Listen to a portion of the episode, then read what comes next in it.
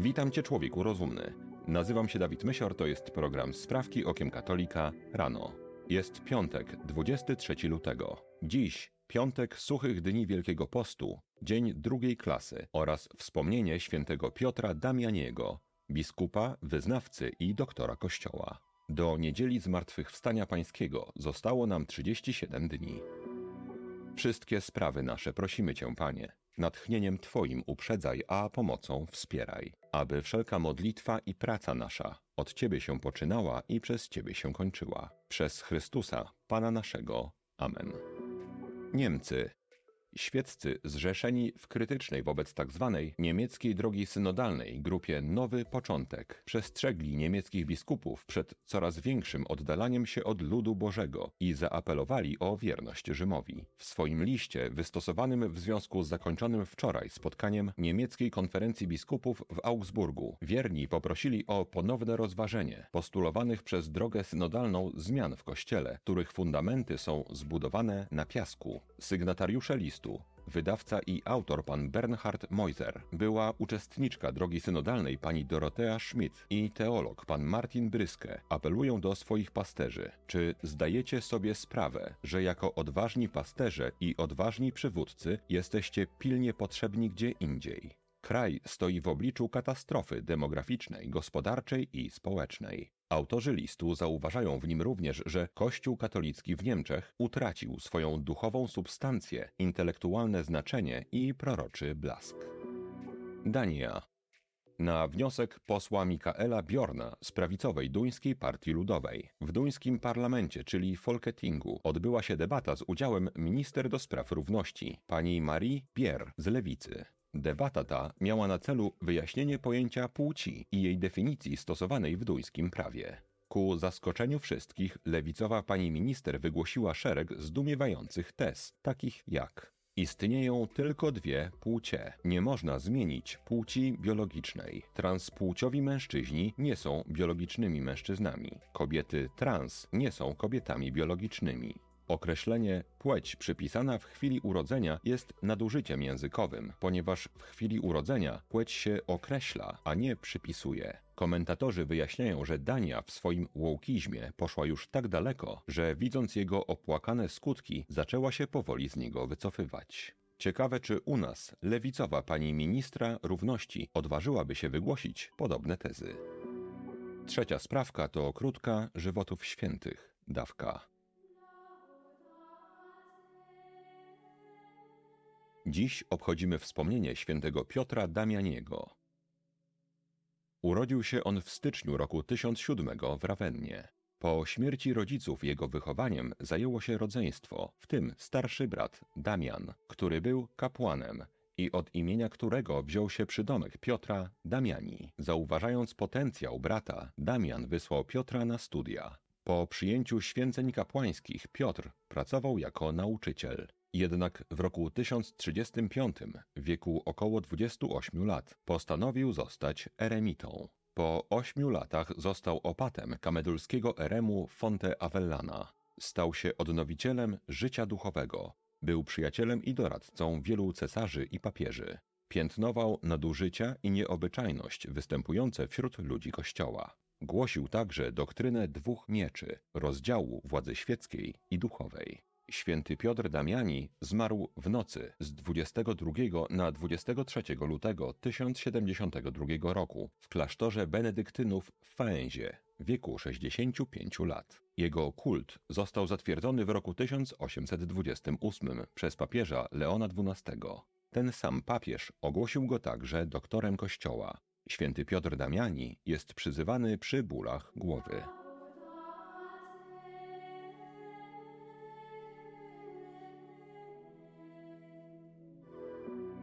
Ukraina i Polska. Pan Hubert Ojdana, rolnik z Podlasia, który ujawnił nieprawidłowości związane z importem ukraińskich produktów rolnych, został umieszczony na liście wrogów państwa ukraińskiego, prowadzonej przez organizację Myrotworec. Znalazł się tam obok zbrodniarzy wojennych, morderców i separatystów. Na stronie internetowej ujawniono jego zdjęcie, miejsce zamieszkania i numer telefonu.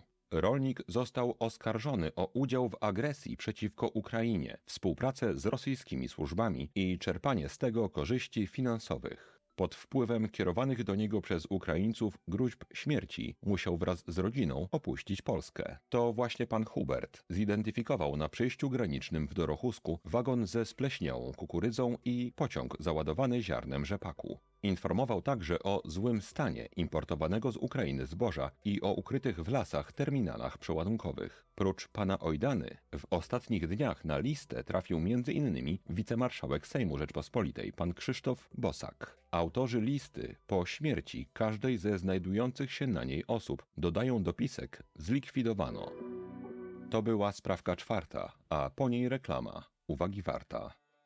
W ukierunkowaniu swojego umysłu na wielkopostne rozważanie męki i śmierci Chrystusa bardzo pomocne są gorzkie żale. Pozycja, którą dziś, mój drogi słuchaczu, chciałbym Ci polecić, czyli wykonane przez zespół Liqueszczętes Gorzkie Żale, są pozycją o tyle unikatową, że śpiewane są w pierwszej wersji nabożeństwa z roku 1707, czyli wersji sprzed zmian, w których usunięto między innymi sześć wzmianek o roli ludzi na literkę rzecz z kropką w męce pańskiej, które zastąpiono takimi terminami jak pospólstwo, tłum, wrogowie i katowska złość. Nagranie na płycie towarzyszy książce, która jest jednocześnie modlitewnikiem, ale także przede wszystkim dzięki znakomitemu wstępowi pana Jacka Kowalskiego, przewodnikiem po pobożności i kulturze staropolskiej. Można w nich znaleźć historię gorzkich żali, tekst do ich śpiewania wraz z reprodukcją pierwodruku z roku 1707 oraz tekst krótkiego nabożeństwa do Najświętszego Sakramentu. Poznawanie pobożności sprzed 300 lat nie tylko będzie pożyteczne dla duszy, ale też ukaże rozumowi katolika wielkie bogactwo katolicyzmu. Link do płyty z książką znajdziesz, mój drogi słuchaczu, w opisie tego odcinka. Wpisując kod rabatowy sprawki, otrzymasz 10% rabatu na tę i na inne pozycje wydawnictwa Dębogóra. Stany Zjednoczone. Miliarder Elon Musk po raz kolejny wywołał kontrowersję. We wpisie na swoim własnym serwisie X oznajmił: Hormonalna antykoncepcja powoduje tycie, podwaja ryzyko depresji i trzykrotnie zwiększa ryzyko samobójstwa. Jest to wyraźny konsensus naukowy, ale wydaje się, że bardzo niewiele osób o tym wie. W tym samym wątku Musk zalinkował artykuł z magazynu Time, który dowodzi związku antykoncepcji z wyższym ryzykiem samobójstwa, a także badanie przeprowadzone przez Narodowy Instytut Medycyny, w którym również analizowano ryzyko związane z antykoncepcją hormonalną i samobójstwem.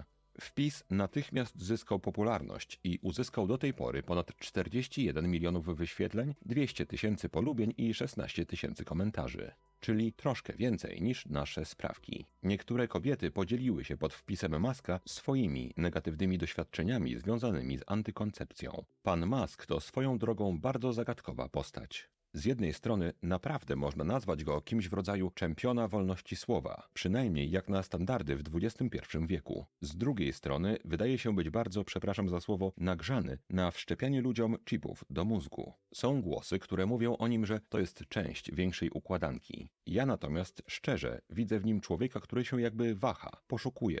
Nie wie, gdzie jest dobro, nie wie, gdzie jest zło, nie wie, gdzie jest prawda i nie wie, gdzie jest fałsz. Lub inaczej, czasem wie, czasem nie wie patrząc na przełożenie, jakie ten człowiek może mieć na ludzkość, ponieważ jest to chyba ostatni człowiek, który jednocześnie może mieć wpływ na to, co jest na miliardach ludzkich smartfonów, a wydaje się nie być takim pełnoprawnym wyznawcą wokeizmu, czyli satanizmu. Ciekawe, czy na przykład za pięć lat będzie wspominał te swoje chipy w ludzkim mózgu jako zło i absurd, czy też wręcz przeciwnie, wolność słowa, ludzkości nazwie swoim drobnym błędem z przeszłości.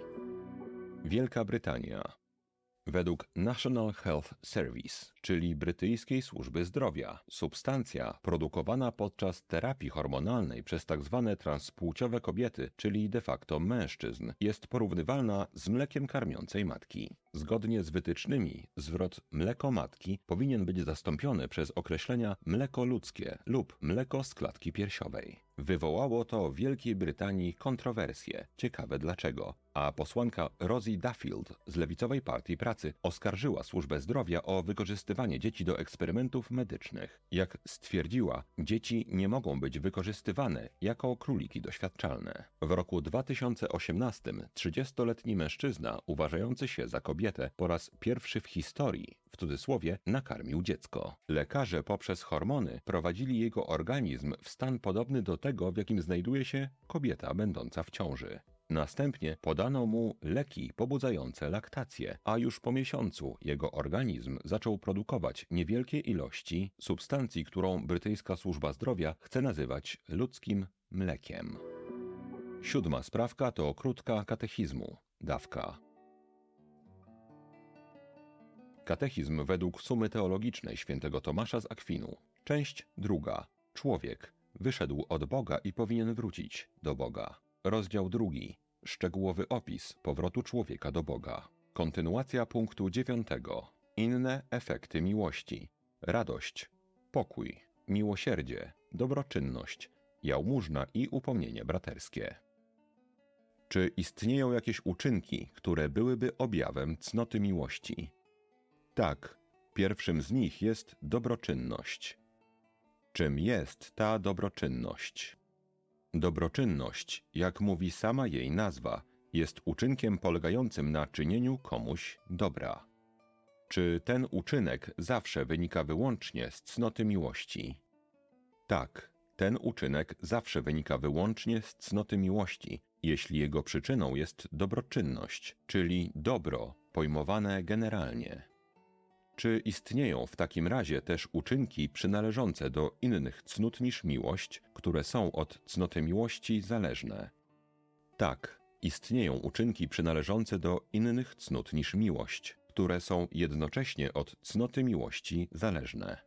Warunkiem koniecznym w tym przypadku jest to, że obok dobra pojmowanego generalnie, będącego celem działania, pragnie się także pewnego dobra konkretnego, jak na przykład rzeczy należnej, koniecznej lub potrzebnej. Jaka cnota wchodzi w grę, gdy w ramach aktu dobroczynności, oprócz dobra pojmowanego generalnie, bierze się pod uwagę także kwestię rzeczy należnej? Jest to cnota sprawiedliwości. Jaka cnota wchodzi w grę, gdy w tym samym uczynku dobroczynności, oprócz dobra pojmowanego generalnie, bierze się pod uwagę także kwestie rzeczy koniecznej lub potrzebnej? Jest to wtedy cnota miłosierdzia. Jak nazywa się uczynek miłości, który polega na czynieniu dobra poprzez miłosierdzie? Nazywa się on jałmużną. Czy są różne rodzaje jałmużny? Tak, jałmużna z reguły dzieli się na dwa rodzaje – to jest na jałmużnę duchową i jałmużnę cielesną. Jakie są podziały w przypadku jałmużny cielesnej? Jałmużna cielesna to głodnych nakarmić, spragnionych napoić, nagich przyodziać, podróżnych w dom przyjąć, więźniów pocieszać, chorych nawiedzać, będących w niewoli wykupić, umarłych pogrzebać. A jaki jest podział w przypadku jałmużny duchowej? Jałmużna duchowa to modlić się za żywych i umarłych, nieumiejętnych pouczać, wątpiącym dobrze radzić, strapionych pocieszać, grzeszących upominać, urazy darować. Czy wszystkie uczynki jałmużny mają wielkie znaczenie? Tak, wszystkie uczynki jałmużny mają wielkie znaczenie co jest ukazane w Ewangelii, gdyż w dzień sądu to z nich będziemy sądzeni wyrokiem wiecznego potępienia lub wiecznej nagrody. W jakich warunkach może zaistnieć ścisły obowiązek jałmużny? Ścisły obowiązek jałmużny istnieje za każdym razem, gdy bliźni jest w koniecznej potrzebie duchowej lub cielesnej, a nie ma innego sposobu niż nasza pomoc, by tę potrzebę zaspokoić. A jeśli ta konieczna potrzeba nie jest konkretnie określona i bezpośrednia, to czy pomimo tego istnieje ścisły obowiązek, by nie pozostawać bezczynnym ze względu na dobro bliźniego lub społeczeństwa i używać darów duchowych i doczesnych, które w nadmiarze otrzymaliśmy od Boga? Tak, Choć konieczna potrzeba nie jest konkretnie określona i bezpośrednia, to pomimo tego istnieje ścisły obowiązek, by nie pozostawać bezczynnym, ze względu na dobro bliźniego lub społeczeństwa i używać darów duchowych i doczesnych, które w nadmiarze otrzymaliśmy od Boga. Czy jest jakiś rodzaj jałmużny, który byłby szczególnie ważny oraz wyjątkowo delikatnej natury? Tak, jest to upomnienie braterskie. Czym jest upomnienie braterskie? Od tego miejsca zaczniemy w poniedziałek. Polska. MedOnet medyczna odnoga Onetu przeprowadził wywiad z toksykologiem z Poznania, panem doktorem Erykiem Matuszkiewiczem. Wywiad zatytułowano Chciał być aktorem, został lekarzem. Po pracy ubiera szpilki i cekiny. W artykule czytamy: Jest znany z oryginalnego stylu, którego częścią są elementy damskiej garderoby. Mam cekinowe bluzki i kimona, sukienki, spódnice, boa z piór, szpilki i sporo biżuterii. Traktuje to jako urozmaicenie codzienności, kreację, formę pokazania się z innej strony, zaistnienia w odmiennej roli. Po oddziale chodzę w stroju medycznym, a do pracy przychodzę najczęściej w koszuli i kiedyś krawacie, teraz muszce. Ubieram się stosownie do okoliczności. Miejsce pracy ma swój dress code. Społeczeństwo polskie powinno być wdzięczne panu doktorowi, że po oddziale nie paraduje w szpilkach i boa z piór. Jednocześnie prosi pana doktora, żeby próbował ujrzeć swoje skłonności jako coś bardzo negatywnego, a Onet prosimy, aby przestał rozwalać polskie społeczeństwo. Ponownie Polska. Wierni z parafii na poznańskiej łacinie będą z okazji Wielkiego Postu przytulać się do drzew. Proboszcz parafii, ksiądz, jak sam każe o sobie mówić, Radek Rakowski, dodaje, że wiernym będzie towarzyszyła encyklika papieża Franciszka Laudato Si. Codziennie rano wierni będą otrzymywali krótki jej fragment. W planie jest również sprzątanie osiedla oraz czerpanie energii z drzew. Wszystko to według księdza Radka w ramach pogłębiania relacji z Bogiem. Proboszcz mówi: Teologia wyraźnie nam mówi, że możemy odkrywać Pana Boga przez przyrodę. Nam się często wydaje, że musimy złożyć jakąś ofiarę, zbudować kaplicę, kościół, wieże, dzwony niech biją. No nie. Doświadczamy dopiero Boga, kiedy harmonizujemy się ze sobą, kiedy przestajemy grzeszyć. Szanowny księże Radosławie i wszyscy wierni z tej parafii. Odkrywanie Pana Boga przez przyrodę polega na jej rozumnej kontemplacji, której przytulanie się do drzew i czerpanie z nich energii nie za bardzo służy. A to, że mamy składać ofiarę, a szczególnie właśnie ksiądz Radosław, poprzez odprawianie mszy świętej, to nam się nie wydaje, tylko tak kazał Pan Jezus. Ostatnia sprawka to krótka rozprawka. Celem tego dziełka, jakim są sprawki okiem katolika, jest praca nad powszechnym panowaniem Chrystusa. Gdzie? W Polsce, a wcześniej w sercu poszczególnych Polaków. Czy jednak Jezus Chrystus nie jest już Panem całego wszechświata? Oczywiście jest, co nie znaczy, że ludzie w XXI wieku przyjmują za konieczność, a zatem za swój cel, jego społeczne panowanie. Wielu ludzi chce, żeby było dobrze w ich życiu osobistym i w ich państwie. Powiedziałbym, że wszyscy chcą, żeby było dobrze. Różnią się natomiast definicją samego dobrze. Definicja dobrze jest albo prawdziwa, albo fałszywa. Prawdziwa definicja dobrze w życiu osobistym to panowanie Chrystusa Króla w sercu danego człowieka i w jego domu. Wszystkie pozostałe definicje dobrze są fałszywe, chyba że oznaczają dokładnie to samo, tylko innymi słowami. Prawdziwa definicja dobrze w życiu narodu, w naszym przypadku polskiego, to społeczne panowanie Chrystusa w Polsce. Wszystkie inne definicje dobrze są fałszywe. Powiedziałem na wstępie, że celem sprawek okiem katolika jest powszechne panowanie Chrystusa. Odbiór takich słów może być taki, że komuś tu chyba, w tym przypadku mi, włączył się mesjanizm, ktoś tu, w tym przypadku ja, totalnie przecenia swoje własne możliwości. Megaloman, mitoman, narcyz, czy co tam jeszcze. Zauważmy jednak, że takie formułowanie celu nie zakłada wcale wizji jego osiągnięcia, ani jutro, ani nawet do końca życia, które to terminy swoją drogą mogą być jednakowe. Takie formułowanie celu wyznacza jedynie kierunek, a czy osiągnięty on będzie za lat 20, 200, czy już może nigdy do końca świata w Polsce nie nastąpi sytuacja, w której Polacy obierają Chrystusa za króla swojego zwykłego, szarego dnia. I już nigdy Polska jako naród nie będzie cieszyła się społecznym jego panowaniem to niewiele to zmienia w samym ustanowieniu takiego celu, a tak naprawdę nie ustanowieniu, ale odczytaniu, bo to nie człowiek sam ustanawia sobie taki cel. Czy cel kiedykolwiek będzie osiągnięty, czy nie, niewiele to zmienia w tym, że trzeba dokładać starań, aby codziennie się do tego celu przybliżać. To tak jakby, powiedzmy, obrać sobie za cel wybudowanie z cegieł największej budowli świata. Czy to się uda i kiedy, zależy od Pana Boga i wielu, wielu okoliczności, nad którymi tylko On ma władzę. Nie zmienia to jednak faktu, że codziennie można, a nawet należy, dołożyć co najmniej jedną cegiełkę. Celem jest społeczne panowanie Chrystusa w Polsce. Celem pierwotnym względem Niego jest panowanie Chrystusa w życiu jednostek. Których jednostek i ilu? Tylu, ilu się da cegiełka po cegiełce. Mój drogi słuchaczu, jeżeli zechcesz, pomódl się czasem za to dziełko, które nazywamy Sprawki Okiem Katolika, lub od razu szerzej o społeczne panowanie Chrystusa Króla w Polsce. Z góry Bóg zapłać.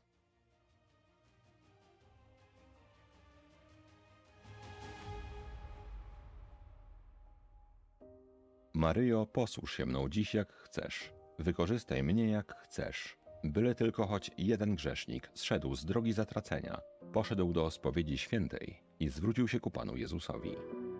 To na dzisiaj wszystkie sprawki okiem katolika rano. Jeżeli chcesz nam pomóc, daj proszę łapki w górę pod tym filmem na YouTubie i napisz co najmniej pięciowyrazowy komentarz. Jeżeli masz chęć, udostępnij komuś ten odcinek, ponieważ w ostatnich dniach YouTube drastycznie ograniczył wyświetlanie naszych miniatur. A jeżeli chcesz wesprzeć zespół Sprawek Okiem Katolika regularnie na Patronite lub tutaj na YouTubie, albo jednorazowo przez wpłatę najmniejszej chociaż kwoty, to szczegóły jak można to zrobić znajdują się w opisie tego odcinka. Wszystkim bardzo dziękuję i przypominam, że kolejna msza święta w intencji o Boże błogosławieństwo dla wszystkich patronów zostanie odprawiona 17 marca. Mój drogi słuchaczu, życzę Ci błogosławionego dnia i całego weekendu. Święty Piotrze Damiani, módl się za nami. Człowieku rozumny, trzymaj się, nie łam się i bardzo Ci dziękuję za Twój czas. Mam nadzieję, że do usłyszenia w poniedziałek rano.